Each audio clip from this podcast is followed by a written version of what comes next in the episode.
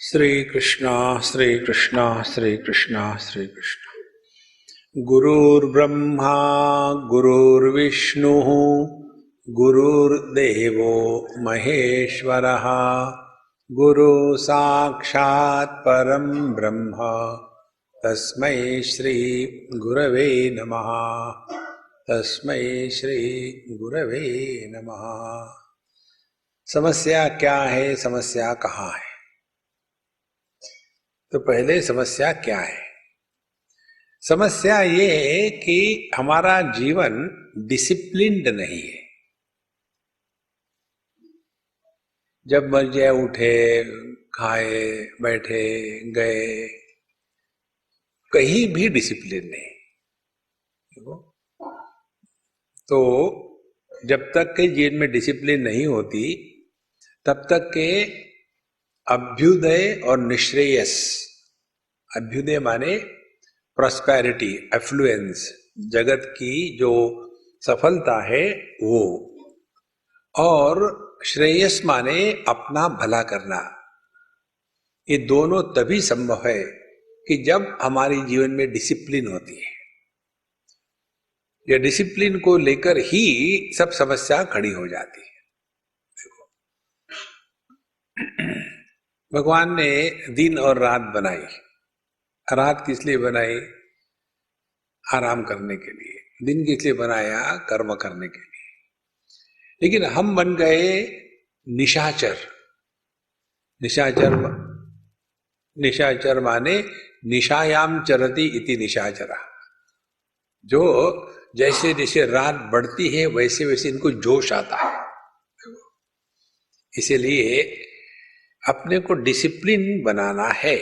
अब डिसिप्लिन बनाना है तो सवाल यह है डिसिप्लिन किसको कहते हैं? एक बार मिलिट्री के सूबेदार मेजर ने नए रंगरूटों को डिसिप्लिन सिखाने के लिए लाइन में खड़ा किया और कहा, बाएँ मुड़, सबके सब बाएँ मुड़ गए। दहने मुड़, सबके सब दहने मुड़ गए।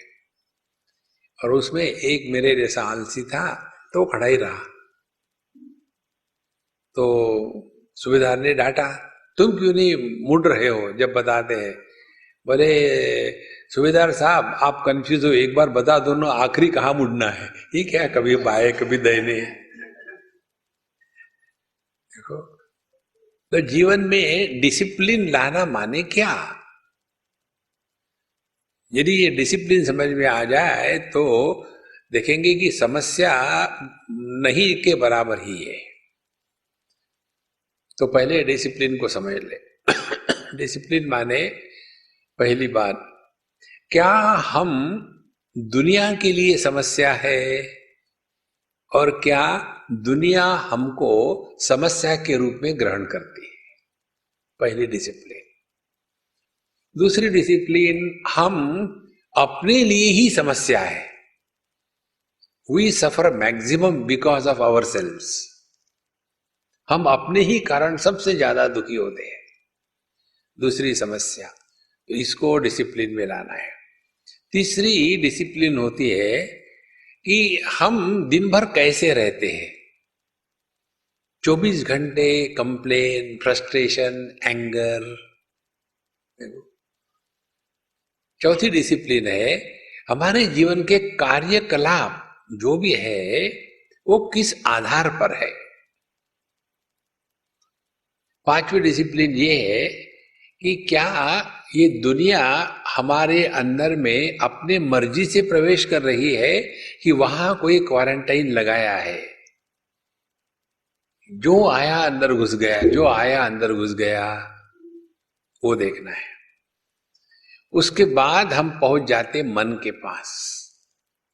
तो ये जो डिसिप्लिन है, पहली डिसिप्लिन जिसको योग शास्त्र में अष्टांग योग के पहले अंग को बताते हैं। अष्टांग योग में यम, नियम, आसन, प्राणायाम, प्रत्याहार, धारणा, ध्यान, समाधि, ये आठ बातें बताते हैं। और ये बातें सिस्टमैटिकली चल रही है। देखो कैसे ही नहीं, दिन भर धूम धड़ाका किया और फिर मेडिटेशन के लिए बैठे। ऐसे कुछ नहीं होगा। देखो, एक बार एक हमारे कोई ऐसे पहचान के, बिना पहचान के हमको मिले। बोले, स्वामी जी, हम वहाँ गए थे इगतपुरी। जो अग्रवाल जी का जो स्थान था ना, हम विपासना का, हम वहाँ गए थे बोले, बहुत अच्छी बात है। बोले, वहाँ से आने के बाद हमारा एकदम बड़ा विचित्र हो गया मूड क्या हो गया बोले एक तो सर भरा रहता है चिड़चिड़ होती है कुछ समझ में नहीं आता क्या गड़बड़ी हो गई तो क्या करे हमने कहा कि तुमको मेडिटेशन पॉइजनिंग हो गया है डायग्नोसिस क्योंकि वहाँ जाके क्या कहेंगे किसी से बोलना नहीं आँखों से हाथ नहीं नहीं मिलाना चुप रहो चुप रहो अंदर में तूफ़ान हो रहा है, बाहर से चुप रह के क्या करोगे? देखो, ऐसी विकृतियाँ जब हम डिसिप्लिन के नाम पर लाते हैं तो परेशानी खड़ी होती है। तो पहली स्टेप पतंजलि महर्षि कहते हैं, यम साधना। यम साधना किसको कहते हैं? यम साधना माने हमारा जगत के साथ व्यवहार करते समय हमने क्या नहीं करना चाहिए? द निषेध। विधि निषेध होता है। डूज एंड डोंट्स डूज माने विधि डोंट्स माने निषेध। तो जगत में रहते समय क्या नहीं करना चाहिए? देखो कितनी महत्व की बात है। हमको कई जगहों में खाने के लिए जाना पड़ता है। एक बार किसी पंजाबी के यहाँ जाना था। तो उन्होंने हमको फ़ोन किया कि, स्वामी जी, आप क्या क्या खाते हैं? हमने वो तो मुझे याद नहीं है, क्या नहीं खाता हूँ, ये याद है। फिर हमने लिस्ट बताई। हम जो जो बताएँगे, वो हम नहीं खाते। शुरू कर दिया। प्याज, लहसुन, टमाटर, पनीर, राजमा, छोले, बैंगन का पर्दा। ऐसा जब बताया, पंजाबी क्लीन बोल्ड। पंजाबी इसको छोड़ के खाना बना ही नहीं सकते। देखो तो नियम, यम साधना माने हमको क्या नहीं करना है लाइफ में? तो पहली बात, अहिंसा। सत्य। दूसरी बात, अस्तेय। तीसरी बात, चौथी बात, अपरिग्रह। और पांचवी बात, ब्रह्मचर्य। ये पाँच चीज़ों को जीवन में पहले उतारना है। ये नहीं उतारेंगे और मेडिटेशन करना चाहेंगे। देखो, ऐसे मेडिटेशन नहीं होती मेडिटेशन के कार्टून होते हैं। देखो तो अहिंसा माने शरीर, वाणी और मन। तीन हो गए। और तीनों के तीन तीन नौ हो गए। ये नौ प्रकार से हमारे माध्यम से हिंसा न होवे। मैं आपको एक दो बताता हूँ, बाकी का होमवर्क ढूंढ लो। तो जैसे शरीर से, वाणी से, मन से। शरीर से हिंसा नहीं करने का तात्पर्य है कि हम जिए अन्य को जीने दें। हम लोगों का होका, होता क्या है कि we impose our views on others अपने विचारों को अन्य पर लादना यह हिंसा है। देखो, हमारा यही चक्कर है कि जितने समाज सेवा करने वाले होते हैं ना, उनका यही चक्कर होता है। समाज सेवा माने क्या? अपने घर में तो फेलियर हो गए लेकिन उससे तसल्ली नहीं हुई। अब सत्यानाश समाज का कर रहा है। समाज सेवा हो गई। देखो, सेवा करने वाला जिसकी सेवा हो रही है, उसको इंप्रूव नहीं करता। हम लोग अपने माँ बाप की सेवा करते हैं। तो माँ बाप की सेवा करेंगे तो माँ बाप को इंप्रूव करेंगे क्या? नहीं। इसीलिए ये पहली बात, अपने विचार अन्य पर न लादे। यह अहिंसा। बुद्धि के विचारों के दृष्टि से। वाणी के दृष्टि से अहिंसा क्या है? भगवान श्री कृष्ण कहते हैं यस्मान नो द्विजते लोक भगवान कहते हैं अनुद्वेग करम वाक्यम सत्यम प्रिय हितम चयत हम ऐसा बोले कि सुनने वाले के हृदय में उद्वेग उत्पन्न ना होए। प्यार से बोले, मिठास से बोले आपने देखा होगा ना, कई लोगों को पता ही नहीं चलता कि वो बोल नहीं रहे हैं, वो भूंगते हैं। क्यों खड़े हो? किस लिए आए हो? क्यों लेट कर दिया? जल्दी आने को क्या होता है? वाह वाह वाह वाह वाह, अरे अरे बाबा, बोलो ना। भूखना क्यों? और फिर ये आदत बन जाती है व्यक्ति की। प्यार से बोलो, बड़ा आनंद आता है जीवन में। अहिंसा। तीसरी अहिंसा शरीर से। एक हमारे मित्र है बाबा जी है, वो भी, हमने उसको कहा कि तुमसे मेरी कट्टी अब मेरे पास कभी मत आना। कारण क्या? उनका जो प्यार है, वो वाइल्ड है। Domestic love is not there wild love जब भी समझो पीछे से आ रहे कि, अरे यार, कैसे हो? करके ऐसा कस के लगाते हैं पीठ में कि स्पॉन्डिलोसिस शुरू उसी क्षण से। देखो, विशेष करके दक्षिण भारत की ये पद्धति है, किसी से भी बात करेंगे तो मारेंगे। ऐसे, एक बार हम किसी संगीत सभा में गए थे, हमको बड़ा अच्छा लगता है संगीत। सामने बैठे थे, क्योंकि बाबा जी सामने बैठाया। अब हमारे साथ में एक सज्जन बैठे थे, पता नहीं कौन थे। और जब भी कुछ बढ़िया होता था, हमको मारते थे। क्या बात है, हमें क्या लग रहा है, यही बात है।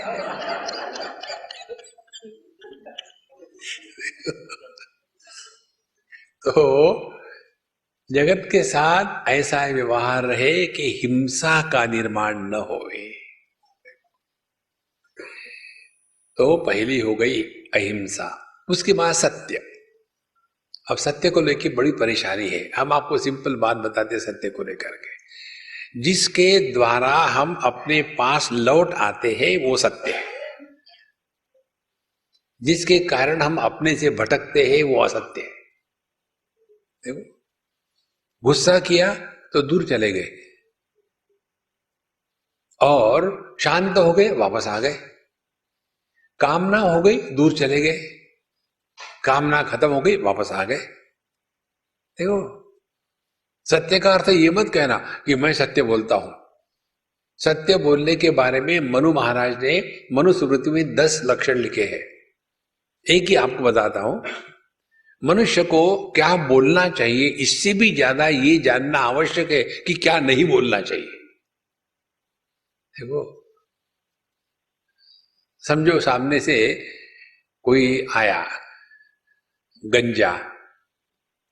अब उसको कहना, अरे गंजे, कहाँ से आए हो? हमने सच बोला है, लेकिन ये सोचो, बोलना आवश्यक है क्या? देखो तो सत्य का तात्पर्य है, सत्य बोलने का तात्पर्य, ये नहीं कि हर चीज़ बोलनी है, कोई आवश्यकता नहीं। देखो, बोलने के बारे में ये सिद्धांत आपको बताते हैं ट्राई करना। सिद्धांत ये बोलने के पहले अपने आप को एक प्रश्न पूछो। क्या बोलना आवश्यक है? बस। आपने वाणी की तपस्या करी। 99 परसेंट केसेस में अनावश्यक हम बोलते हैं। देखो। और कैसा? पहले हर एक चीज़ के बारे में हमारा ओपिनियन। भारतीय व्यक्ति के ये लक्षण है। हर एक चीज़ में ओपिनियन होता है हर एक चीज़ में एडवाइस होता है। Every Indian is expert in somebody else job not is own job देखो, ये जो है वाणी पर नियंत्रण करना, ये बहुत बड़ी साधना है सेल्फ डिसिप्लिन की। देखो, और मनुष्य जितना अंदर से शांत होगा, उतना बाहर से शांत रहता है।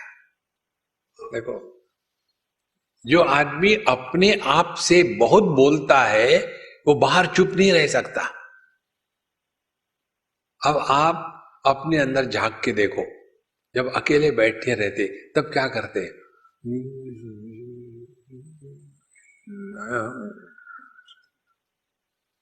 ये क्या हो रहा है? अपने आप से बोले जा रहे हैं, बोले जा रहे हैं।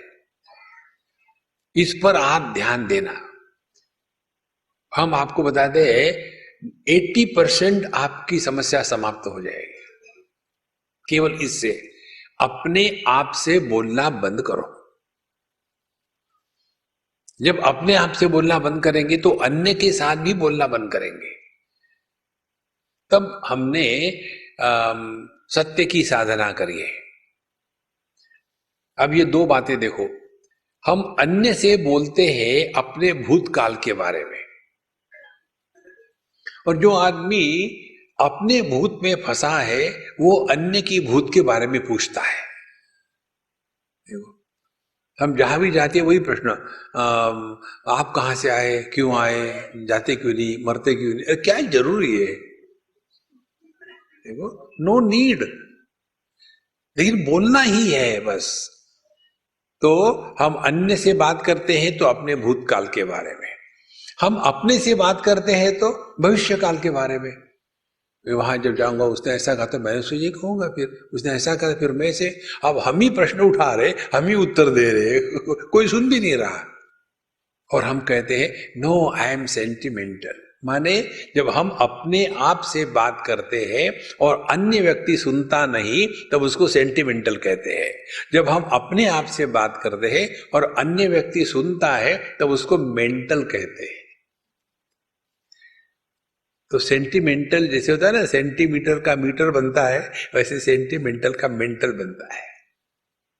बहुत महत्व की डिसिप्लिन है।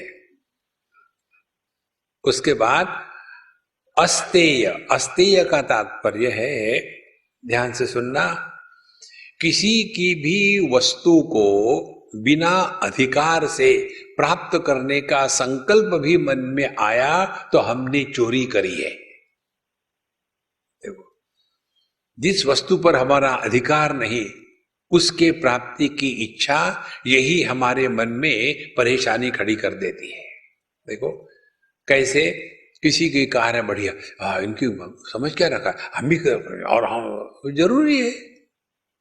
देखो, किसी भी वस्तु को देख करके हमको भी वो वस्तु मिलनी चाहिए, यही समस्या है। अब ध्यान से सुनना। आप समझो समुद्र के किनारे गए, एक बार की बात विशाखापट्टनम की। हाँ हम लोग जा रहे थे, समुद्र के किनारे, थोड़ी पहाड़ी है तो पहाड़ी से जाकर के कहीं हमको लेक्चर को जाना था। शाम का समय था। जैसे हम जा रहे थे, उसी समय हमने हमारे मित्र को कहा, रुक जाओ तो रुक गए।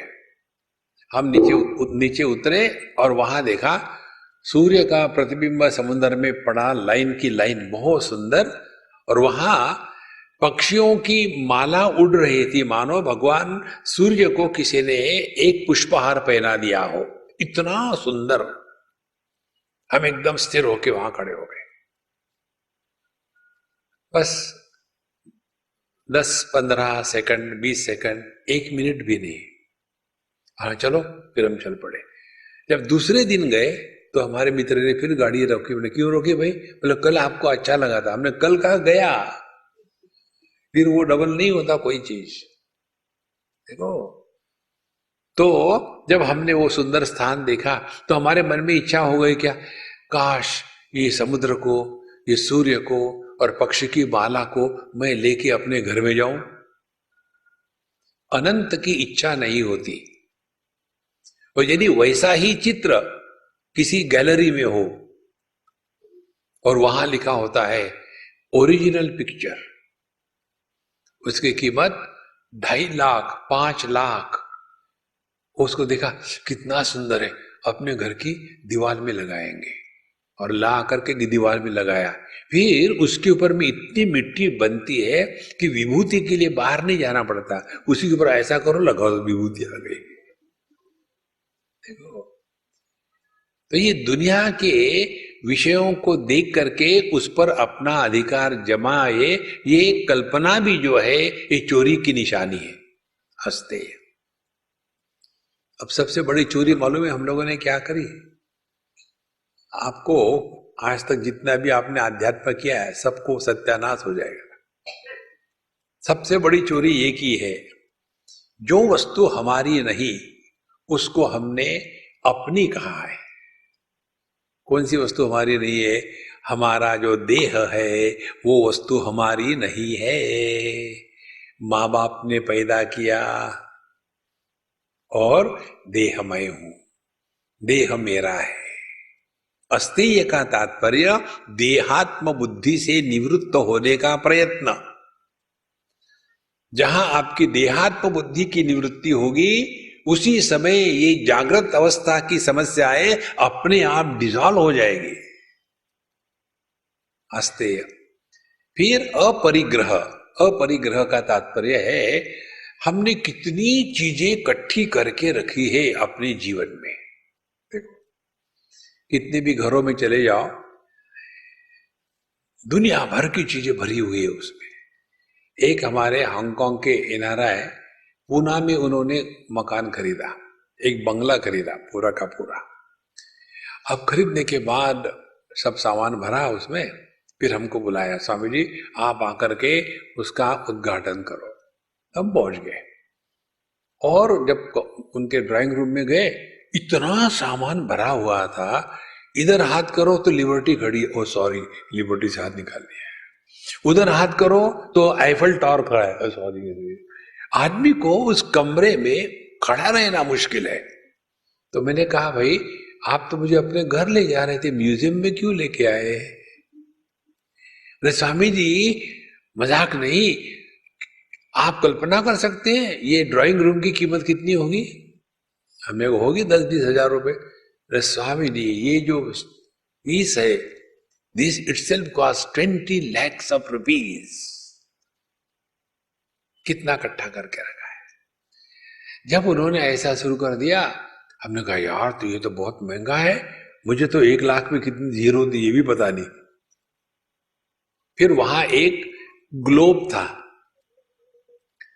हमने, ये क्या है, लड्डू?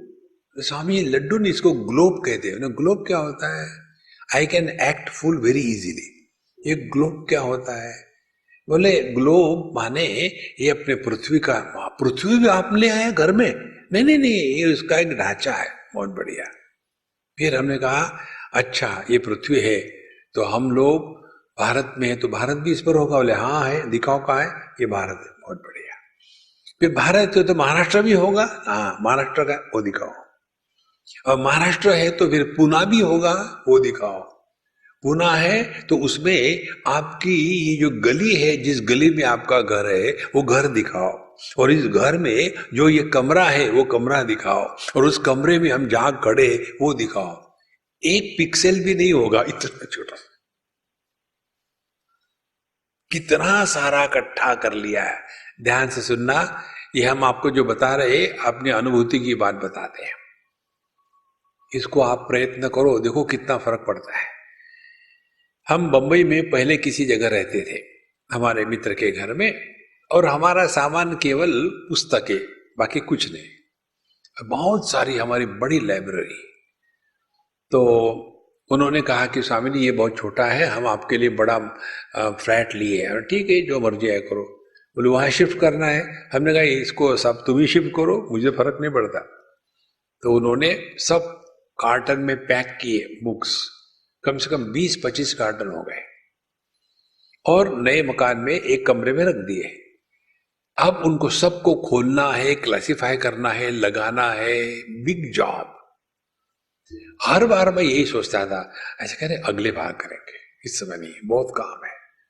करते करते एक महीना निकल गया, दो महीने निकल गए, साल निकल गया, दो साल निकल गए, तीन साल निकल गए। दिमाग पे प्रेशर क्या करें क्या करें क्या करें? फिर एक दिन हमने हमारे लाइब्रेरियन फ्रेंड को ईमेल लिख दिया। ऐसे ऐसे स्थान पर मेरी काफ़ी बहुत बढ़िया पुस्तकें हैं, आप लाइब्रेरी के लिए ले जाओ। तो वो आकर के सब ले गए कैटलॉग बनाया और मुझे लिखा कि हमने सब कुछ ले लिया है और जब आप आओगे तो उस पर साइन कर देना हमारे अकाउंट्स के लिए। जैसी उनकी ईमेल आई, सब वो पुस्तकें उठा के ले गए। मुझे इतना हल्का फील हो गया।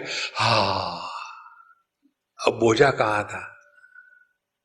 देखो ट्राई करके देखो।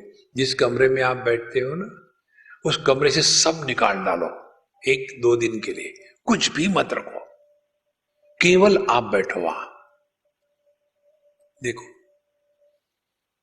जगत की हर एक वस्तु अपने अच्छे बुरे गुण हमारी तरफ़ बम्बार्ड करता है। ट्राई करो, अपरिग्रह। ये बाहर की चीज़ों को इकट्ठा करने का जो स्वभाव है, ये अंदर चला जाता है। और अंदर जाने के बाद फिर हम अपने बुद्धि में, मन में अनेक प्रकार की जो स्मृतियाँ है, स्मृति ग्रंथ निर्माण करते हैं। और फिर जहाँ भी बोले जा रहे जब हम वहाँ थे, हमने ये किया। जब छोटे थे, ऐसा करते थे। हम पेड़ पे चढ़ते थे जोड़। आजकल के बच्चे पेड़ पे नहीं चढ़ते। नहीं, आजकल के बच्चों ने अपनी दुम काट दी है। देखो महाराज, अस्तेय अपरिग्रह और ब्रह्मचर्य। अब ध्यान से सुनना। ब्रह्मचर्य के दो अर्थ बताते हैं। ब्रह्मचर्य का तात्पर्य है तत्व चिंतन में अपने को लगाना। ब्रह्मणि चरती इति ब्रह्मचर्य हमको तत्व चिंतन में लगना है। दुनिया के चिंतन में नहीं लगना। ब्रह्मचर्य। दूसरा ब्रह्मचर्य का तात्पर्य है हमको अपने जीवन में भोग के प्रति बहुत ही डिसिप्लिन चाहिए। क्या खाते, कैसा खाते, कब खाते, कितना खाते? हो खाने के बारे में हमारे भगवत गीता बताती है, युक्ताहार विहार से युक्त चेष्ट से कर्मसु युक्त स्वप्नावबोध से योगो होती दुखा।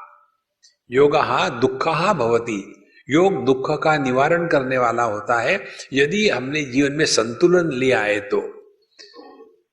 खूब खाना वन एक्सट्रीम बिल्कुल नहीं खाना दूसरी एक्सट्रीम ये दोनों गड़बड़ है। देखो, जब एकदम खाना बंद कर दो 21 दिन तक खाना नहीं खाएँगे, पानी नहीं पिएँगे।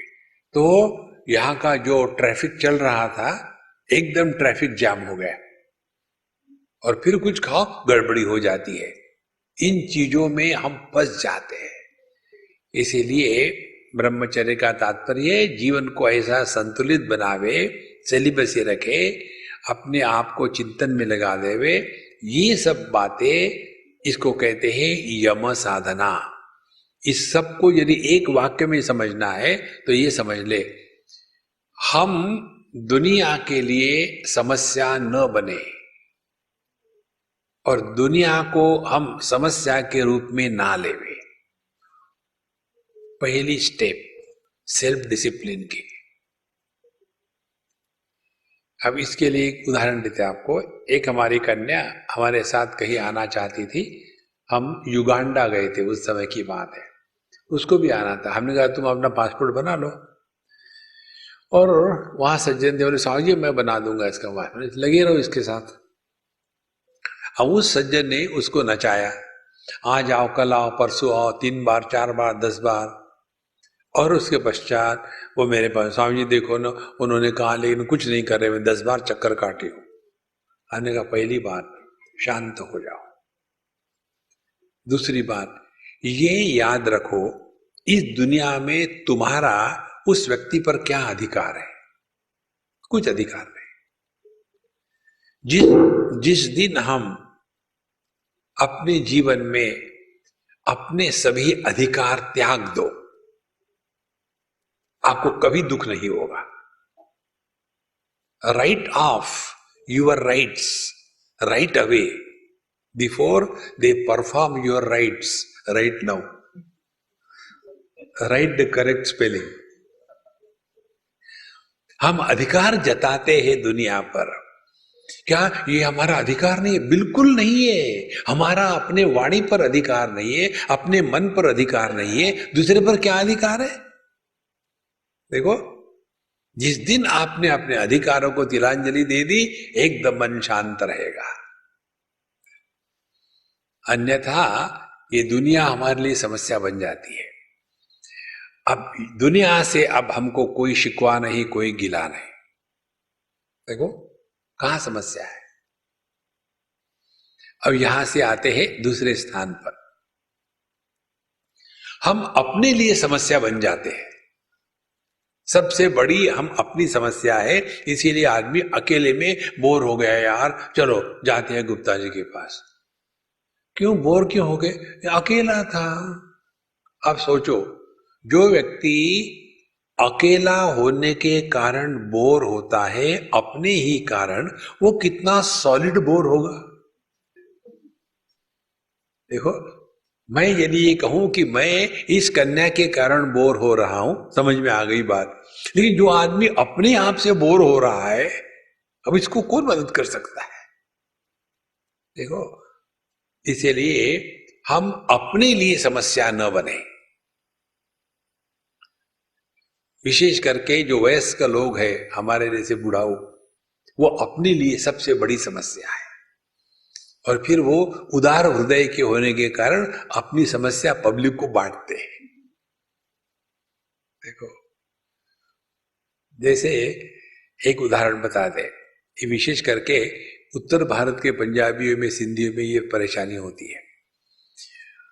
वहाँ के लेडीज़ लोगों के घुटने इत्यादि बहुत दुखते हैं उम्र होने के बाद। क्योंकि साल भर ज़िंदगी भर जो खाया कंट्रोल नहीं, शरीर भयानक हो जाता है, कमर खत्म हो गई कमरा हो गया। तो किसी के यहाँ चले जाओ स्वामी जी तुम आगे बैठो, बैठ लिया और हमने गलती करी, कैसे हो? ये उनका दोष नहीं था, हमने पूछा कैसे हो? शुरू हो जाते सुबह जब उठे, महाराज जी क्या बताए?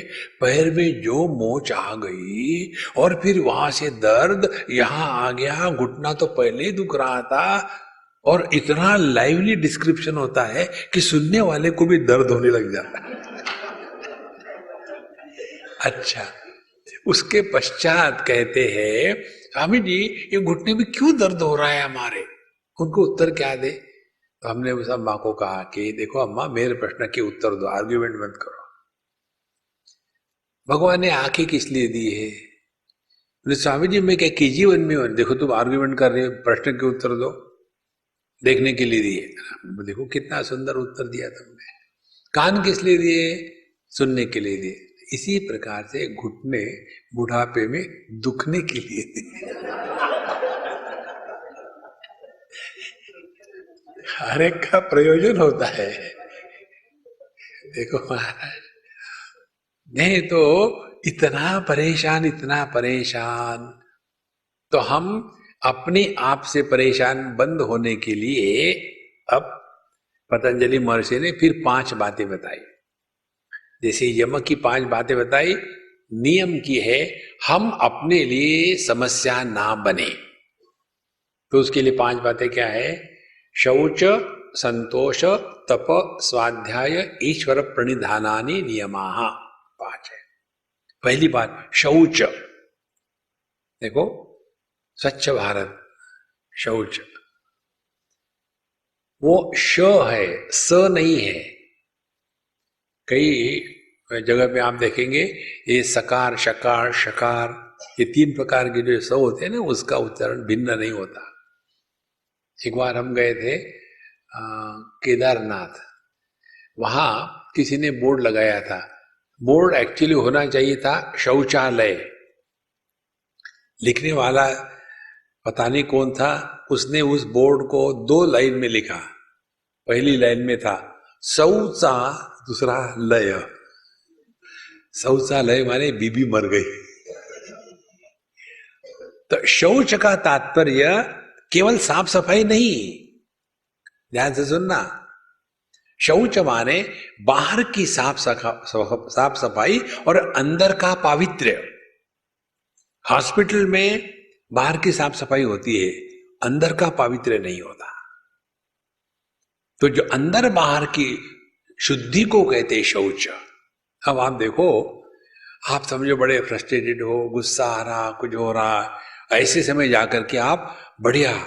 पहले गर्म पानी से नहा लो सब बॉडी रिलैक्स हो जाएगी, फिर एकदम ठंडे पानी से नहा लो सब एकदम फ्रेश हो जाओगे। देखो। दिन में कम से कम दो बार तो नहाना ही चाहिए। दिन में दो बार, हम तो दो महीने में एक बार नहाते हैं। साफ़ सफ़ाई का जीवन में बहुत महत्व है। कई बार ऐसा होता है ना नहीं, हम तो बाबा सिंपल लिविंग और हाई थिंकिंग पर बिलीव करते हैं। इनकी सिंपल लिविंग हाई थिंकिंग नहीं होती shabby living and stupid thinking होती है। अब इसको लेकर के आपको एक बतावे एक अम्मा मुझे मिलने आई बंबई में। स्वामी जी, मुझे आपसे बात करनी है। हमने कहा, तुमने ना पूछा, ना कौन हो, कहाँ से आई हो टपकी सीधी आ करके तो शुरू कर दिया उसने। स्वामी जी, मेरी समस्या है। समस्या ये है कि मैं और पति हमेशा झगड़ा करता हूँ। झगड़े करते हैं। दूसरी बात, मेरे ऑफिसर जो है ऑफ़िस में मुझे कभी भी ठीक से बात नहीं करते। मेरी सबॉर्डिनेट जो है, मेरी बात सुनते नहीं। मुझे कोई दोस्त नहीं है। मेरे बच्चों ने मुझे राइट ऑफ़ कर दिया है। अब मैं क्या करूँ? मैं रोज नहाती हूँ मेडिटेशन करती हूँ घास खाती हूँ, मिर्च नहीं, मसाले नहीं, उसके बाद प्याज नहीं, लहसुन नहीं, और गेहूँ की घास उगा करके खाती हूँ। इतना मैं सब करती हूँ, फिर भी ऐसा क्यों हो रहा? तो मैंने उसको कहा, मैं बताऊँगा, बीच में मुँह मत मारना और मेरा बोलना होने के बाद निकल जाना। मैंने पहले कहा डायग्नोसिस स्पिरिचुअल पॉइजनिंग ये डायग्नोसिस है। दूसरी बात बढ़िया खाना खाओ। मिर्च, मसाले, अचार, पापड़, मिर्ची का चटनी, बढ़िया खाना खाओ। दूसरी बात रेगुलरली विटामिन लिया करो। कभी कभी टीवी देखो, कभी मूवी देखो, कभी ड्रामा में चली जाओ, कहीं घूमने चली जाओ। और सबसे महत्व की बात है, घर जाने के पहले ब्यूटी पार्लर होके घर जाना। तुम चुड़ैल की जैसी दिख रही हो। देखो शौच का तात्पर्य, बाहर की सफ़ाई और अंदर का पावित्र्य, दोनों आवश्यक है। ये मत रखे अपने मन में हम, कि नहीं बाबा, हम तो सिंपल लिविंग है, इसीलिए कैसे भी कपड़े पहन लिए, नहीं महाराज। How you dress and how you address tells the quality of your life देखो, बहुत महत्व की बात है। नहीं तो सिंपल लिविंग करके अपना बुद्ध बना करके आए नो वे तो शौच।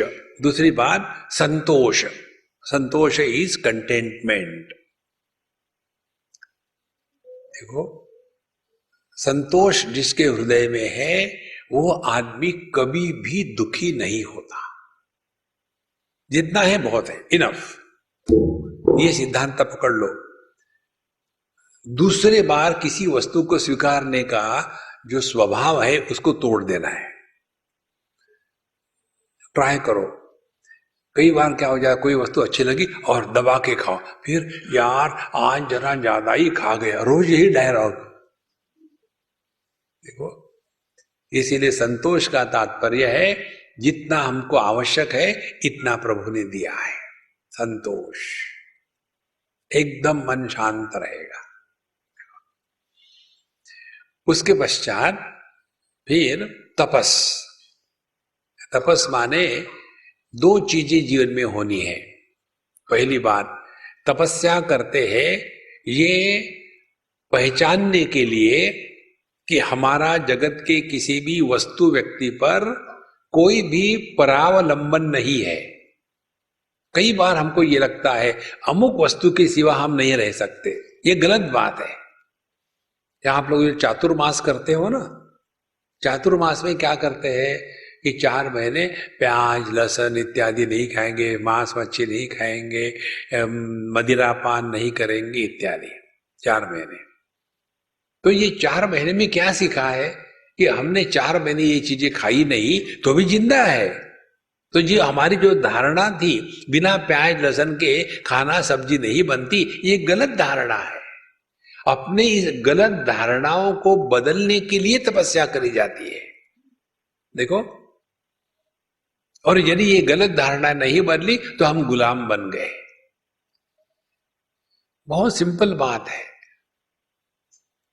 महाभारतकार कहते हैं सर्वम परवशम दुखम सर्वम आत्मवशम सुखम एतद विद्यात समासेन लक्षणम सुख दुखयो हो सुख दुख के यही लक्षण है। परावलंबन दुख है, स्वावलंबन आनंद है। और परावलंबन होता है विषयों के प्रति, व्यक्तियों के प्रति। इसीलिए तपस्या का तात्पर्य अपने स्वातंत्र को पहचानो। जगत में किसी पर भी हमको अवलंबित नहीं रहना है। बहुत बड़ी साधना है। ये साधना करने के लिए हमारे यहाँ वान प्रस्थाश्रम का निर्माण किया गया है। वान प्रस्थाश्रम माने जब व्यक्ति गृहस्थी में रहता है तो हर चीज़ के लिए पत्नी चाहिए। और मेरे टौलिया कहाँ है? हाथ में नहीं चाहिए, हाथ में चाहिए। चम्मच कहा है? चौबीस घंटे उस पत्नी के पीछे लगे हुए और इतना डिपेंडेंस हो जाता है, यदि वो पत्नी बाहर कहीं चली गई तो इनको पता नहीं, अरे, टूथब्रश कहाँ है? इसीलिए हम जब कैंप करते हैं ना तो हमारे तरफ़ से प्रयत्न होता है, लेकिन वो हमेशा फेल होता है। प्रयत्न ये होता है कि ये पति पत्नी जो आते हैं ना कैंप में, या तो दोनों ना आवे। एक आवे। इससे दोनों को खुशी मिलेगी। वो भी खुश, ये भी खुश, लेकिन दोनों आ जाते। अच्छा आने के बाद अब अलग अलग रहो ना। नहीं स्वामी जी हम दोनों का सुटकेस एक की जगह ठीक है, रहो। मुझे क्या फ़र्क पड़ता है? और फिर वहाँ रहने के बाद बस सुबह उठेंगे। नॉर्मली जेंट्स जल्दी उठते हैं और लेडीज़ लेट उठती है। L for ladies L for ladies तो उठ गए। उठने के बाद ही जाएँगे बाथरूम में, वहाँ से चिल्लाएँगे। ओ, मेरा टूथब्रश कहाँ है?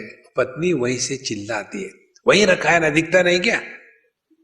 सुबह सुबह उठ करके डांट पड़ने से हाँ चलो अच्छा शुरू हो गया। अब पेट ठीक खाली हो जाएगा। डांट खाने की जगह नहीं होता। अच्छा उसके बाद वो टूथपेस्ट कहा दिख नहीं रहा है, फिर दूसरी डांट पड़ती है।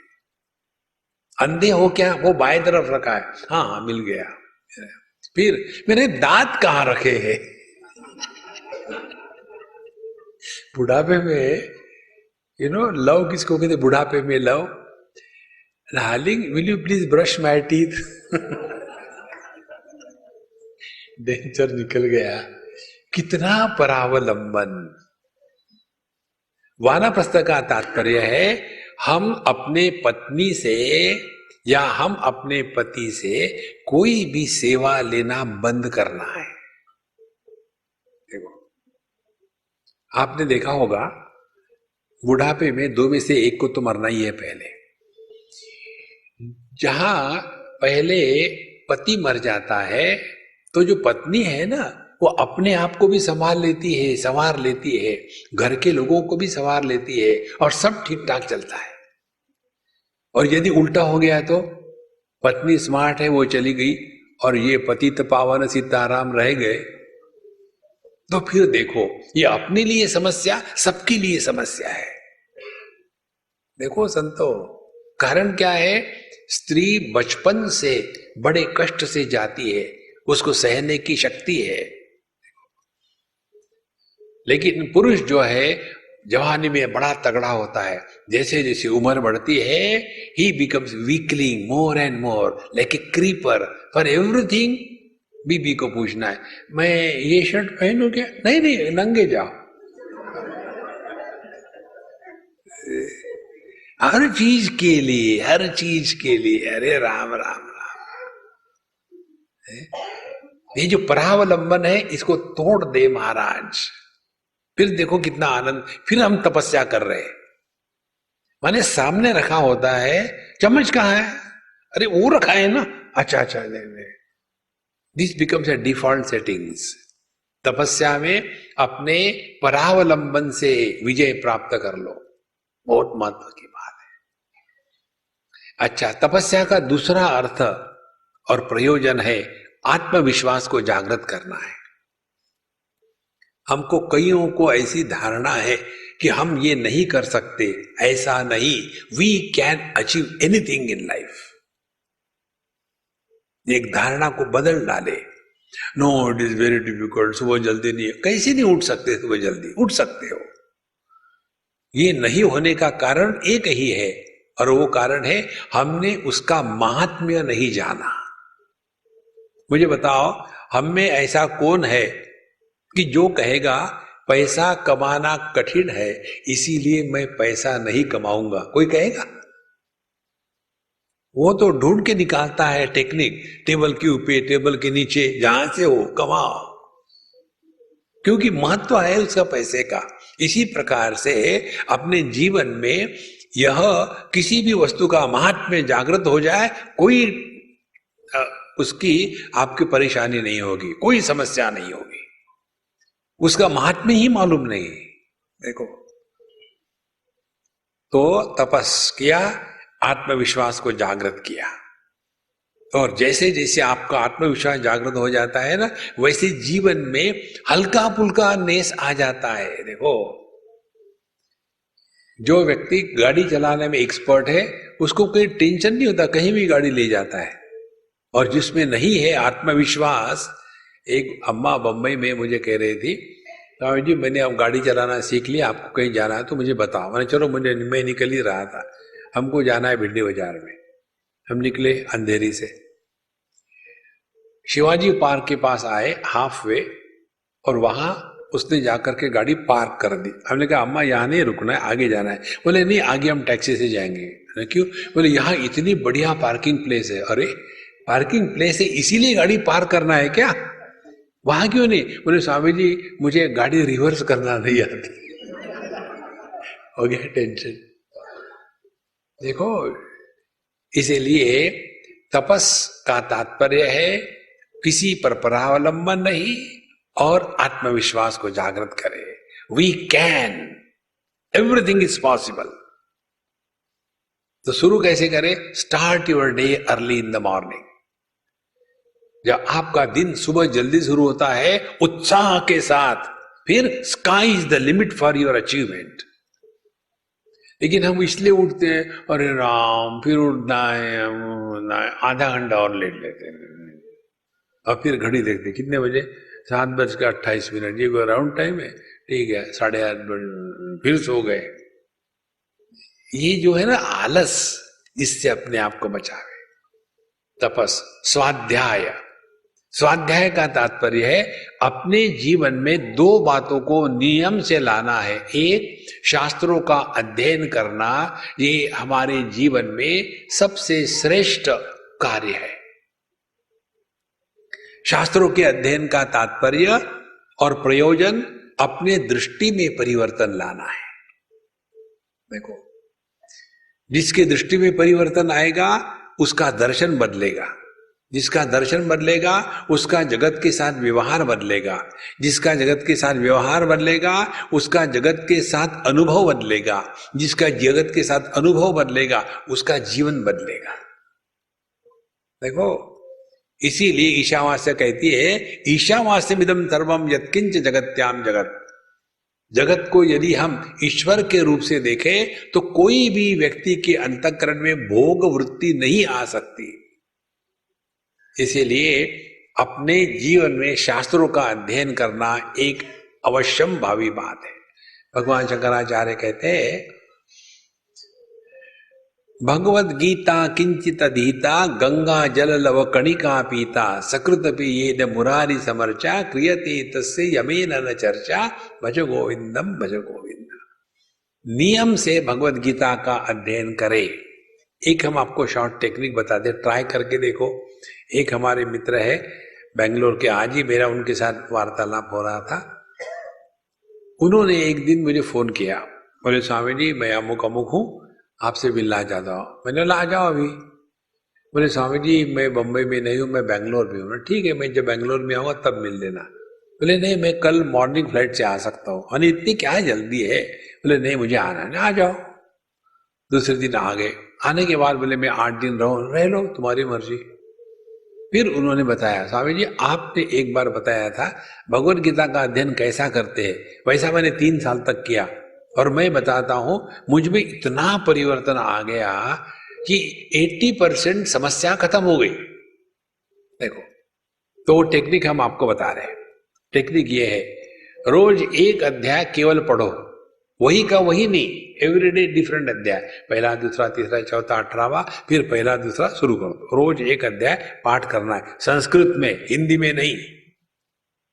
ये यूपी के नॉर्थ के लोग बहुत आलसी है। संस्कृत में नहीं पढ़ेंगे।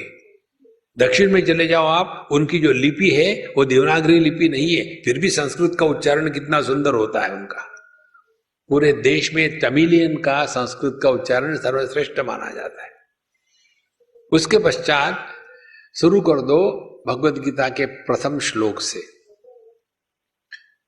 हम आपको एक कमेंट्री सजेस्ट करते हैं, गीता प्रेस की राम सुखदास महाराज जी की जो कमेंट्री है, वो बहुत अच्छी है ग्रस्तों के लिए, बहुत अच्छी है।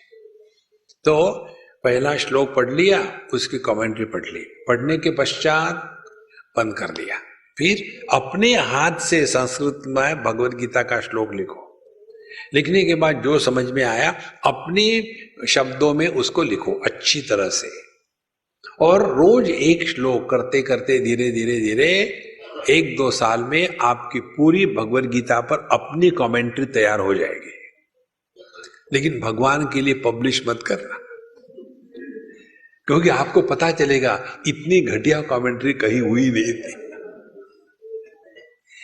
लेकिन उससे एक बात होगी, आपको अध्ययन करने का एक व्यसन लग जाएगा। देखो, ऐसा करके देखो आप। धीरे धीरे आपको उसमें रस आने लगेगा। किसी भी वस्तु के साथ लंबे समय तक रहो तो उसके साथ अपने आप प्रेम हो जाता है। तो स्वाध्याय का तात्पर्य है, भगवत गीता का नित्य निरंतर अध्ययन करना है। देखो और दूसरी बात, ध्यान से सुनना, ये जब आप अध्ययन करोगे तो दस कमेंट्री लेकर के कंपैरिजन कभी मत करना। कंपैरिजन करोगे तो प्रवचन देना शुरू करोगे। मालूम है, शंकराचार्य ने कहा, मध्वाचार्य ने ये कहा, रामानुजाचार्य ने किया, इन्होंने ये कहा, तुमको क्या करना है? भूख लगी है, खाना खिला दो। रिंद्री अच्छा स्वाध्याय का दूसरा अर्थ है ध्यान से सुनना। जगत में व्यवहार करते समय अपने मन को देखो। कहीं काम क्रोध लोभ मोह मद मात्सर्य, इसका तो प्रभाव नहीं है। हमारे जीवन को प्रेरणा देने वाला कौन है? काम है या शाम है? इधर ध्यान दो। तो हमको पता चलेगा 99 परसेंट केसेस में हमारे जीवन को प्रेरणा देने वाला काम होता है, शाम नहीं होता। तो कैसे काम प्रेरणा करता है? ध्यान से सुनना। जो भी हम करते हैं, इसका प्रेरक है या तो राग या तो द्वेष। आपने ऐसा क्यों किया? मुझे अच्छा लगता है। आप ये क्यों नहीं करते? मुझे अच्छा नहीं लगता। माने हमारा प्रेरक कौन है? राग या द्वेष? और पूरे जीवन में राग द्वेष से प्रेरित होकर ही हम जी रहे हैं। देखो, समझो, रंग ले लो। किसी को पीला रंग पसंद है, किसी को लाल पसंद है, किसी को हरा पसंद है। अब उनको पूछो, तुम पीला रंग क्यों पसंद है? पसंद है पसंद है, और क्या है? कोई लॉजिक है उसके पीछे? तो राग द्वेष के पीछे कोई भी लॉजिक नहीं होता, लेकिन पूरा का पूरा जो जीवन है, राग द्वेष से प्रेरित होकर के चल रहा है। माने अपना जीवन बिना लॉजिक बिना रीजन का चल रहा है? और हम अपने आप को बड़े इंटेलिजेंट कहते हैं। इसीलिए इधर ध्यान दे।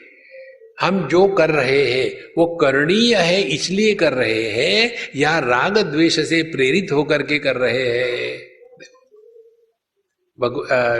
कठोपनिषद में एक मंत्र आता है। उसका अर्थ ये है, हमारे जीवन की हर एक घटना हमको दो ऑप्शंस देती है। देखो, श्रेय या प्रेय। इधर ध्यान दे कि जो भी कुछ हम कर रहे हैं, वो हमको प्रिय है इसलिए कर रहे हैं कि वो योग्य है इसलिए कर रहे हैं। यदि हम जो कर रहे हैं, वो हमको प्रिय है इसलिए कर रहे हैं तो जो प्रिय होता है, वो हमारे लिए योग्य होने की आवश्यकता नहीं। और जो योग्य होता है, वो प्रिय होने की आवश्यकता नहीं। उदाहरण दे लो, सुबह जल्दी उठना योग्य है, प्रिय नहीं। देखो, सुबह लेट उठना प्रिय है, योग्य नहीं है। खाना खाने की बात ले लो। खाना खाते समय जितना खाना खा सकते हैं, उससे आधा खाना खाना चाहिए फिफ्टी परसेंट और एक चौथाई में पानी भर लो। तब जाकर के मंथन ठीक होगा। और एक चौथाई वेंटिलेशन के लिए खुला रखना है। और हम जब खाने को बैठते हैं तो खाना खा गया गुप्ता जी खाना खा लिया? हम्म। अच्छा था? हम्म। अरे बोलते क्यों नहीं यार ये? अच्छा क्या खाया? अब तो बोलना ही पड़ेगा। तो तुरंत निकाले मुख से जलेबी खाया। अब जो इतना दबा के खाता है वहाँ मध्य प्रदेश में स्ट्राइक शुरू हो जाएगा। Traffic jam. देखो, इसलिए यह जो स्वाध्याय है, इधर ध्यान दे कि हम किसके द्वारा प्रेरित होकर के चल रहे हैं।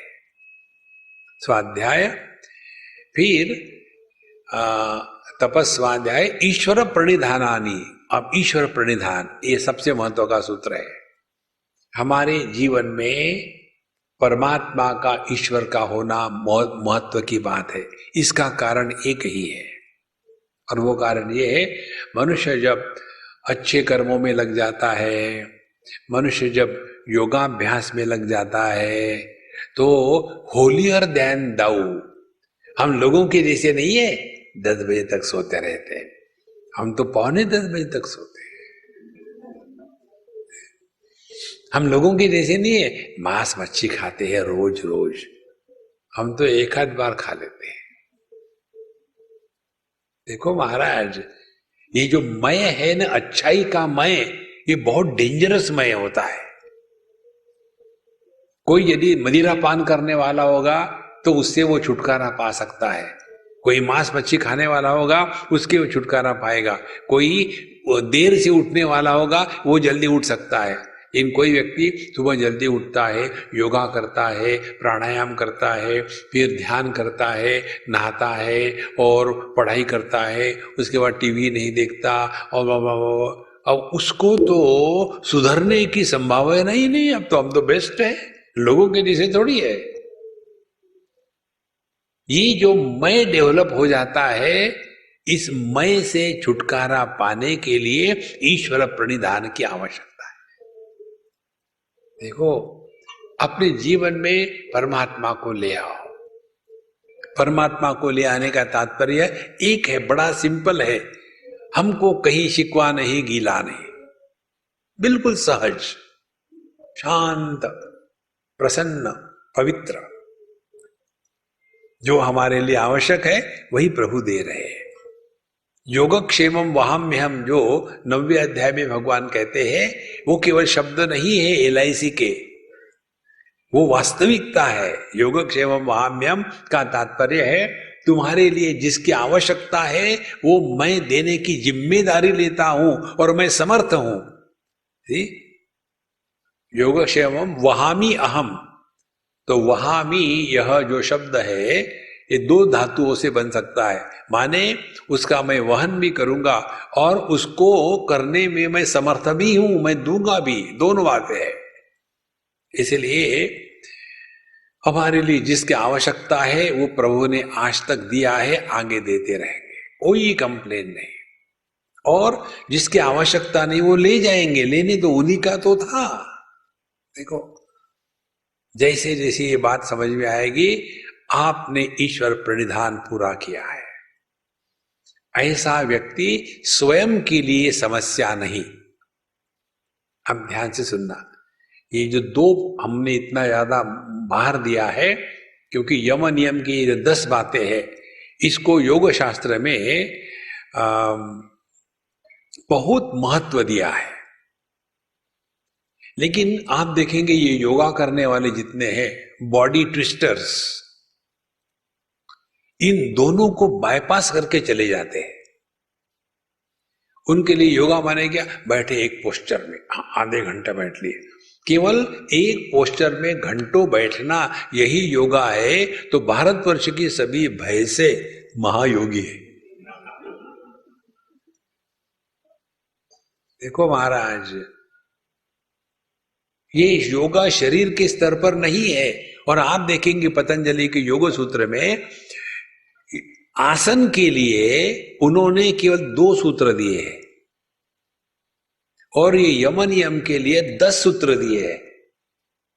तो जिसको ज़्यादा महत्व दिया है, उसी को तो हमने जीवन में उतारना है ना। और इतने सारे 190 195 सूत्रों में से केवल दो सूत्र है जो आसन के लिए दिए। और वो भी गलत प्रकार से हम लोग लेते हैं। आसन की परिभाषा पतंजलि के अनुसार स्थिर सुखम आसनम। जो सुख है, वो स्टडी होना चाहिए। पोस्चर नहीं। देखो, उसको आसन कहते हैं। नहीं तो बैठे हैं, पद्मासन ला करके, और फिर बड़ी मुश्किल हो रही है। अब खुलता ही नहीं। अरे, जरा पुलिस को बुलाओ। ले चलो, खुलता नहीं है। ये कोई आसन है कि क्या? कार्टून है आसन का। देखो, स्थिर सुखम, जिसमें आप शांति से प्रसन्न होकर के रह सकते हैं, वो आसन है। अब ध्यान से सुनना। ये सुख में स्थिरता, स्थिर सुखम, सुख का जो एडजेक्टिव है, वो है स्थिर। स्थिर आसन का एडजेक्टिव नहीं है पोस्चर का नहीं है, सुख का है। स्थिर सुखम आसन। अच्छा क्या संभव है? तो क्या साधना है? अब दो साधना बताते हैं। पहली साधना, प्रयत्न शैथिल्य। दूसरी साधना, अनंत समापत्तिभ्याम। दो बातें आ गई।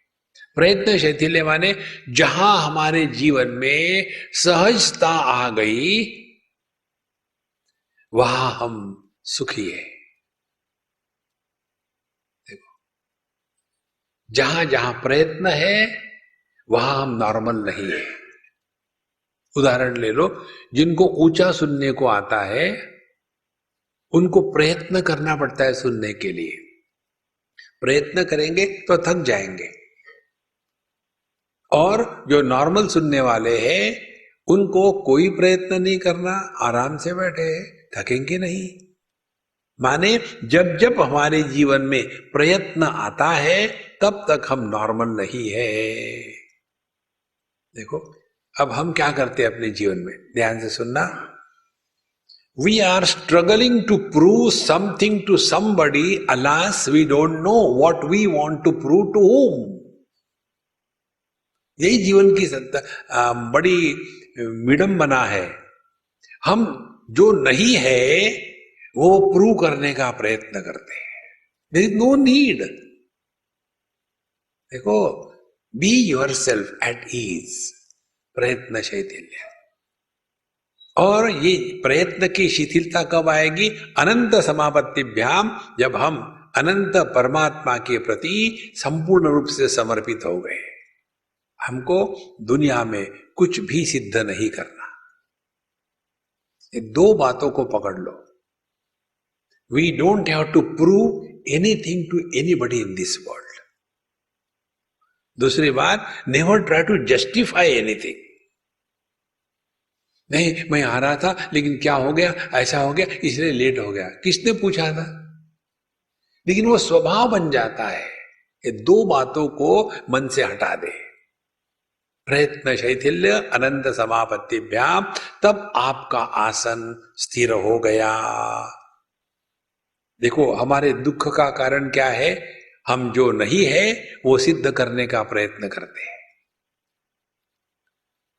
बैठेंगे मेडिटेशन करने के और फिर परेशान हो रहे जिद्दीपना से आध्यात्मिक साधना नहीं होती। हम आपको एक उदाहरण देते। एक हमारे मित्र है स्वामी जी महाराज। अब शायद वो बहुत बीमार रहते। उनका ये कुंडलिनी का मार्ग है। बद्रीनाथ में रहते थे, उनका बड़ा आश्रम, हम जाके उन्हीं के पास रहते थे। तो सुबह उठ करके हम उनके कमरे में चले जाते थे साथ साथ बैठ लेते थे। वो हमको हमेशा कहते, स्वामी जी, आप सुबह आया करो हमारे साथ। ठीक है। और फिर एक दिन उन्होंने हमको कहा कि, स्वामी जी, आप बगल में बैठते हो तो भी हमारी कुंडलिनी जागृत हो जाती है और इतने स्थिर हो जाते हैं, पता भी नहीं लगता, अकेले में परेशानी होती है। हमने कहा और तुम्हारी कुंडलिनी डरती होगी, मेरे से उड़ गई अच्छा फिर एक बार हमारा कोई नियम इत्यादि बैठ ले बैठ ले नहीं तो नहीं बैठे। एक दिन हम दोनों साथ बैठे और पाँच मिनट में हम उठ गए। उठने के बाद हम नाश्ता बनाने लग गए। और थोड़ी देर के बाद ये आए और छोटा सा कमरा पीछे से वो हमारे खड़े और हम सामने कुछ बना रहे थे। उन्होंने पूछा बंगाली थे वो? सामी जी बंगालियों में आ, जो कंजंग कॉन्सनेंट होता है जोड़ाक्षर वो ठीक से उच्चारण नहीं कर सकते। जैसे आ, आत्मा होगा तो आत्मा को अत्ता कहेंगे तत्वमसी होगा तो तप तमसी कहेंगे। देखो तत्वमसी का क्या अर्थ है और तत्तमसी का क्या अर्थ है? तो उन्होंने कहा स्वामी जी स्वामी जी ने स्वामी जी स्वामी जी ने कहा जी आदमी का ध्यान कब लगता है? ठीक से? तो मैं तड़का दे रहा था, कुछ बना रहा था। तो हमने कहा, खुदा मेहरबान तो गधा पहलवान, जब प्रभु की इच्छा होती है तब ध्यान लगता है, नहीं तो पकौड़े बनाओ। जैसा हमने कहा, उन्होंने पीछे से हमको पकड़ लिया। अरे स्वामी जी, ये बात आज तक मुझे किसी ने बताई नहीं। देखो प्रयत्न शैथिल्य आप जितना स्ट्रगल करोगे मेडिटेशन करने के लिए, उतना आप परेशान हो जाओगे। सुनना ध्यान से मेडिटेशन या ध्यान करते नहीं, ध्यान देते हैं। ध्यान दो। ध्यान कोई क्रिया नहीं है। इधर ध्यान दो, कहीं आपके मन में काम, क्रोध, लोभ, मोह, ये तो नहीं आ रहा है। उधर ध्यान दो, कहीं हम आलस के शिकार तो नहीं हो रहे उधर ध्यान दो, अनावश्यक बोल तो नहीं रहे। उधर ध्यान दो, ज़्यादा सो तो नहीं गए।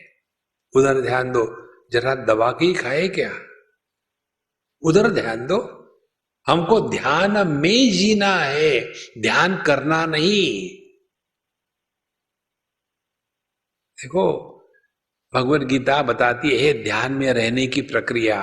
पहली बात मेडिटेशन का अर्थ भगवत गीता के अनुसार, प्रजहाति यदा कामान सर्वान पार्थ मनोगतान आत्मन्यवात्मना तुष्ट स्थित प्रज्ञस्तोच्यते शरीर का स्थैर्य नहीं, समझदारी का स्थैर्य होना आवश्यक है। स्थित प्रज्ञ माने स्टेडी विजडम वो आवश्यक है। तो भगवान वहाँ कहते हैं मेडिटेशन का अर्थ, समझदार व्यक्ति के लिए क्या होता है? यदा सर्वान मनोगतान कामान प्रजहाती। जब हम अपने अंतकरण में एक भी कामना को एंटरटेन नहीं करते तब आप मेडिटेशन में और हम मेडिटेशन किस लिए करते हैं? कामना को पूरा करने के लिए। पूरा सत्यानाश। देखो। और अच्छा मन में कामना ना हो, मैंने मेडिटेशन में, समझ में आ गया क्या? सो जा क्यों गहरी नींद में कामना नहीं होती। अरे नहीं बाबा आत्मन्य वात्मना तुष्टा। कामना इसलिए नहीं कि आप अपने में परिपूर्ण है। तब जा करके हम 24 घंटे मेडिटेशन में जी रहे हैं। हमारे लिए half an hour meditation rest of the day frustration ऐसे नहीं होता। इसीलिए प्रयत्न शैथिल्य अनंत समापत्तिभ्याम, ये दो सिद्धांत को लेकर के आसन की साधना करते हैं। It doesn't matter what poster you set what is important is are you at peace with yourself or not देखो, अन्यथा ये अभ्यास का जो सुख है, ये बंधन कारक है। एक हमारे मित्र बहुत बढ़िया रामायण पर बात करते हैं। रामचरित मानस पर। एक बार वो हमारे कैंप में आए तो हमको लोगों को चाबी भर के छोड़ने में बड़ा मज़ा आता है। तो जो ऑर्गेनाइजर थे, हमने कहा, देखो, आप तो मुझे रोज सुन ही रहे हो। ये जो है ना हमारे मित्र, बहुत बढ़िया रामायणी है। इनको कहो रामायण की कुछ कथा सुनाए करके। हम लोग एक बार पिकनिक को गए, सतना की बात है, मध्य प्रदेश की। तो वहाँ जब गए, बढ़िया तालाब था, बस में बैठ करके गए। हमने कहा, देखो, ये कहेंगे कि, देखो, मेरे पास रामायण की पुस्तक नहीं है, पहले ही पचास कॉपी ले लो। हर एक के हाथ में के पकड़वा देना तो जैसे कहीं बोले नहीं नहीं, हमारे पास से ले लो। मुझे उनके नियम मालूम थे। उनका नियम ये था कि पहले वो आसन करेंगे, फिर प्राणायाम करेंगे, फिर नहाएँगे, धोएँगे, फिर जप करेंगे, ये सब करने में उनको दो घंटे लगते थे। उसके बाद वो प्रवचन को जाते। उनका नियम था। जहाँ उनको ऐसा बताया, उनका नियम तो हो नहीं पा रहा था। और वो फ्रस्ट्रेट वो जितना वो ज़्यादा फ्रस्ट्रेट हो गए, हमको टाइम पास अच्छा हो गया। अपने नियमों में हम फंस जाते हैं। रिलैक्स नहीं तो उसी में लगे रहेंगे। इसीलिए प्रयत्न शैथिल्य अनंत समापत्ति समापत्तिभ्याम यदि प्रभु के सामने बैठे ध्यान लग गया, कन्हैया की इच्छा है। करते हो तुम कन्हैया, मेरा नाम हो रहा है। गाना गा के छोड़ देते हैं, हृदय में नहीं उतरता। ध्यान तो वो कर रहा है, हम थोड़ी कर रहे हैं। देखो। तो ये हो गया नियम साधना, उसके बाद आसन, फिर आता है प्राणायाम। प्राणायाम का तात्पर्य है, जीवन में संतुलन चाहिए। भगवत गीता के पाँचवें अध्याय में अर्जुन प्रश्न पूछता है, क्योंकि चौथे अध्याय में भगवान ने ज्ञान की बड़ी तारीफ़ करी थी। और फिर अर्जुन को कहा, इसीलिए तुम कर्म योग करो। तो ये ऐसा ही हो गया। Cigarette smoking is injurious to health therefore give me one packet of cigarette. तो अर्जुन को चौथे अध्याय में भगवान ने कहा कि नहीं ज्ञाने न सदृशम पवित्र में विद्यते। ज्ञान के जैसे कोई पवित्र वस्तु है ही नहीं। इसीलिए अर्जुन योगा मातिष्ठोदिष्ट भारत, तुम योगा, तुम कर्म योग करो। तो अर्जुन कंफ्यूज हो जाता है। कहता है, भगवान, आपने ज्ञान की तारीफ़ करी और मुझे कर्म के लिए बताते हो। ठीक से बताओ, मैं पहले ही कंफ्यूज हूँ और मत कंफ्यूज करो। भगवान कहते हैं कर्म संन्यास और कर्म योग जीवन में दोनों की आवश्यकता है। ध्यान से सुनना। जैसे मैं किसी के पत्नी को जाकर के नहीं कह सकता, तलाक तलाक तलाक। क्यों? कि तलाक देने के लिए पहले शादी करना आवश्यक है। अच्छा अच्छा मुझे क्या पता इसी प्रकार से कर्म संन्यास करने के पहले कर्म योग करने की आवश्यकता है। तो जीवन में संतुलन चाहिए। कर्म करना भी है, उपरत भी होना है। खाना खाना भी है, पेट को खाली भी करना है। जगना भी है, सोना भी है। मेहनत भी करनी है, आराम भी करना है। पैसा भी कमाना है, दान धर्म भी करना है। बोलना भी है, चुप भी रहना है। जीवन संतुलित चाहिए। संतुलित जीवन नहीं हो तो आदमी बड़ा एकांगी हो जाता है। इसीलिए जैसे जैसे ये बात सूक्ष्मता से समझ में आ जाती है, तब हमने प्राणायाम को सीख लिया। ये जगत के साथ रहते समय प्राणायाम का अर्थ। अब इस प्राणायाम का जो सूक्ष्म बात बात है, वो हम आपको बताएँगे। बहुत सूक्ष्म बात है, ध्यान से सुनना। आपने केला देखा होगा। केले में तीन बातें होती है। बाहर की चमड़ी जिसको हम नहीं खाते अनलेस यू आर योगी कई लोग होते उनको ये चमड़ी खाने में बड़ा मज़ा आता है। एक बार हम किसी के यहाँ गए, उन्होंने आम काटे स्किन के साथ, चमड़ी के साथ। बोले, स्वामी जी, हम तो चमड़ी खाते हैं, क्योंकि सब विटामिन इसी में होते हमने कहा, बहुत बढ़िया बात है। हमने सब अंदर के गरी खा ली, आम की चमड़ी तो विटामिन खाओ भैंस थोड़ी है। तो एक तो होता है केले की चमड़ी, दूसरा केला जिसको खाते हैं, और इन दोनों के बीच में, केला और चमड़ी, इसके बीच में रेशे होते हैं। तीन बातें हो गई ना? इसी प्रकार से मन का, मन की चमड़ी और इसमें शरीर का केला और दोनों के बीच में प्राणों की रेशाएँ देखो यदि वो केला पका नहीं हो और आप ज़बरदस्ती से उस केले की चमड़ी को निकालने का प्रयत्न करो तो क्या होगा? चमड़ी आधी फटेगी, आधी चिपकी रहेगी। ऐसा ही होगा ना? एग्जैक्टली exactly ऐसा ही होता है। तो पहले प्राणायाम के द्वारा हमको अपने मन और देह, इनको धीरे धीरे अलग करने की प्रक्रिया है। प्राणायाम का तात्पर्य स्वास्थ्य नहीं। स्वास्थ्य बाय प्रोडक्ट है। देखो, जैसे हम गाय किस लिए रखते हैं? गोबर के लिए। गाय रखते हैं दूध के लिए। गोबर तो फ्री में मिलता है। इसी प्रकार से प्राणायाम के द्वारा स्वास्थ्य गोबर के जैसा है।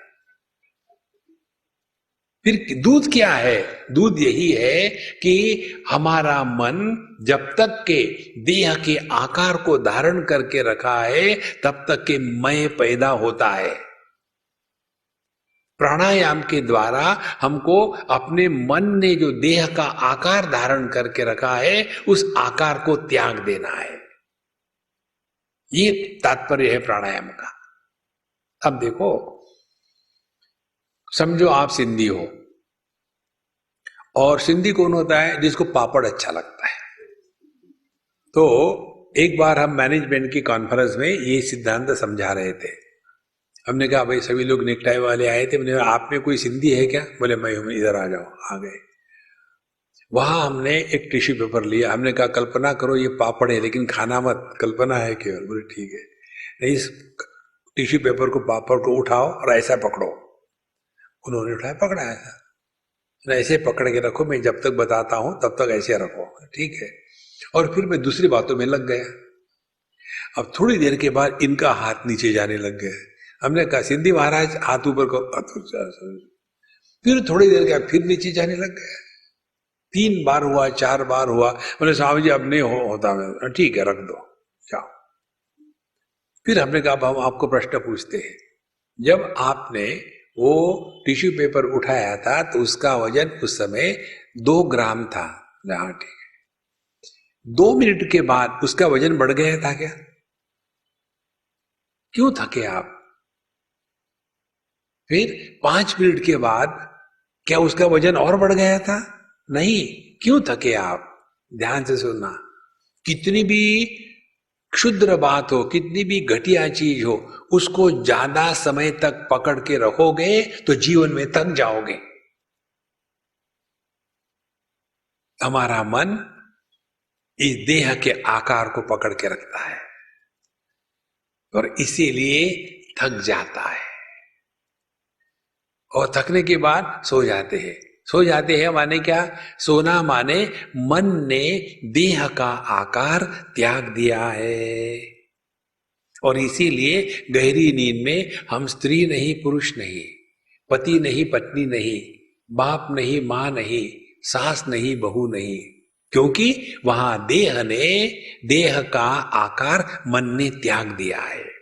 जब ये मन देह का आकार त्याग देता है, आठ घंटे सोने के पश्चात जब हम जग जाते हैं तो कहते हैं क्या, यार, आठ घंटे सोया था, मैं थक गया हूँ। क्यों?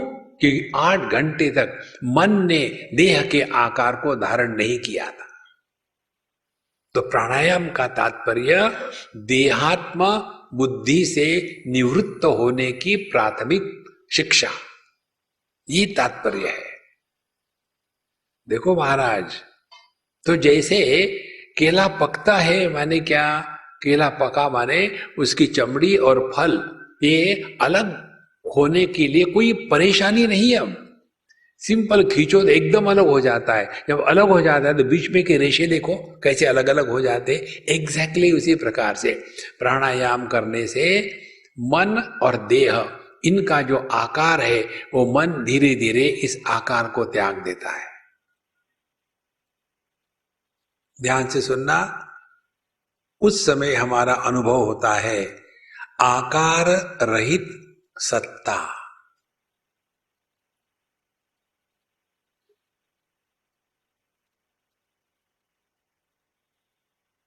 तब, यदि मैं बिना देह के आकार से रह सकता हूँ तो फिर मैं कौन हूँ?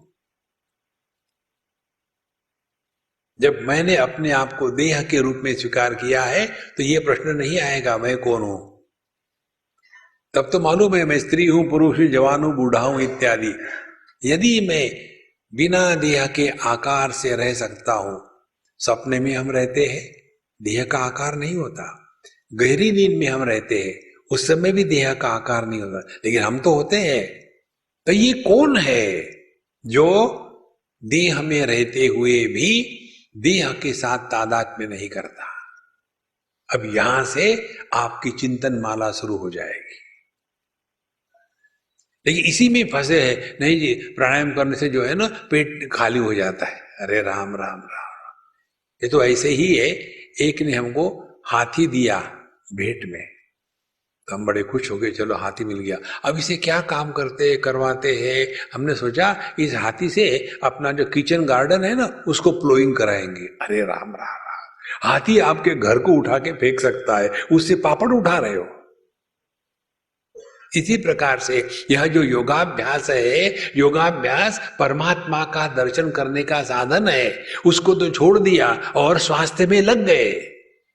पतंजलि। पतंजलि तो अपने गृह में उल्टी होते होंगे। अरे राम राम, मैंने इसलिए नहीं कहा योगा। योग की परिभाषा पतंजलि कहते तदा दृष्टु स्वरूप अवस्थानम। जब हम अपने स्वरूप में निष्ठावान होते, तब योग होता है। देखो संतो तो जब हमने इस प्रकार से प्राणायाम के द्वारा नित्य निरंतर करते रहे तो शरीर से अलग होने की प्रक्रिया होती है। और दूसरी महत्व की प्रक्रिया बताए, प्राणायाम की। आज मैं लंबा खींच रहा हूँ आपको। बैठने की हिम्मत है कि बंद कर दो? जारी रखे। है हिम्मत? छप्पन इंची छाती है। देखो इस प्राणायाम के द्वारा मूल बात क्या होती है कि हमारे अंदर खाना खाने के बाद जो गैशियस टॉक्सिन्स इकट्ठे होते हैं, वो हमारे मन को विक्षेप कराने का कारण होता है। मन में जो विक्षेप आते हैं, अच्छे बुरे विचार न चाहते हुए भी आ रहे हैं। कहाँ से आ रहे हैं? ये जो टॉक्सिन्स इकट्ठे होते हैं हमारे खून में, उसके कारण। प्राणायाम के द्वारा उन टॉक्सिन्स को हम निकाल देते हैं। यहाँ तक होने के पश्चात अब हमने बाहर की दुनिया को निपट लिया है। अब ये बाहर की दुनिया हमें प्रवेश ना करे, अब आते ही इंद्रियों पर, जिसको कहते हैं प्रत्याहार। आहार माने खाना, प्रत्याहार माने नहीं खाना। अब हम विषयों से हट गए। अपने आप पर पहला नियंत्रण इंद्रियाणी। तस्मात्म इंद्रियाणी नियम्य भरतर शब कामना का जन्म होता है इंद्रियों में। पहले इंद्रियों में उसको मार डालो। तब काम पैदा नहीं होगा। कैसे मार डाले? Give yourself a minimum choice किसी भी विषय में चॉइस मत दो। Lesser the choice happier you are more the choice miserable you are simple rule है। और ये प्रत्याहार हो गया, फिर आते मन पर। अब मन का जो नियंत्रण है, इसमें तीन बातें हैं। मन अनियंत्रित है का तात्पर्य, मन देश काल वस्तु में भटकता है। तो पहले मन को देश में बांधना है, अपने हृदय में। माने ये खूनी हृदय नहीं, ये जो स्टर्नम है, ये अपना आध्यात्मिक हृदय होता है। तो बैठ करके मन को वहाँ बाँध दिया, अब यहाँ से हटो मत, ये बैठे रहो। दूसरी बात, मन विषयों में भागता है तो सभी विषयों का त्याग कर दिया, एक विषय को पकड़ा कन्हैया लाल को यहाँ बैठा दो। तो देश हो गया, धारणा का अभ्यास।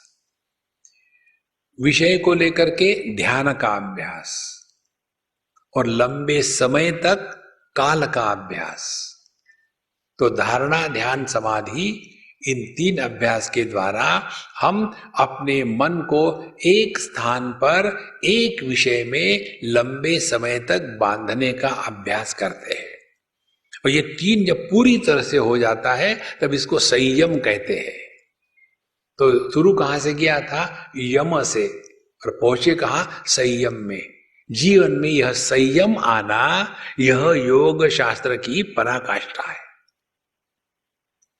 यदि संयम नहीं आया तो हमने योगा अभ्यास किया ही नहीं। और ऐसा जो संयमित मन है, इसको फिर आत्मचिंतन में लगाते हैं। तब हमको बातें तुरंत ग्रहण हो जाती है। भगवत गीता में भगवान इसी शब्द का प्रयोग कहते हैं, या निशा सर्वभूतानाम तस्याम जागृति संयमी। संयमी माने वो जिसका मन देश काल वस्तु के द्वारा प्रभावित नहीं होता। ऐसा जो व्यक्ति है, वो अपने स्वरूप को चुटकी के साथ पहचान लेता है। इस प्रकार से समस्या एकदम गायब हो जाएगी, जहाँ हम अपने स्वरूप में वापस आ गए। और उसके लिए साधना क्या है? बी डिसिप्लिन इन लाइफ जीवन में डिसिप्लिन होना बहुत आवश्यक है। ஓம் பூர்ணமதா பூர்ணமிதம் பூர்ணாத் பூர்ணமுதச்சதே. பூர்ணஸ்ய பூர்ணமாதாய பூர்ணமேவா வசிஷ்யதே. ஓம் சாந்தி சாந்தி சாந்தி. ஹரி ஓம். ஸ்ரீ குருப்பியோ நம ஹரி ஓம்.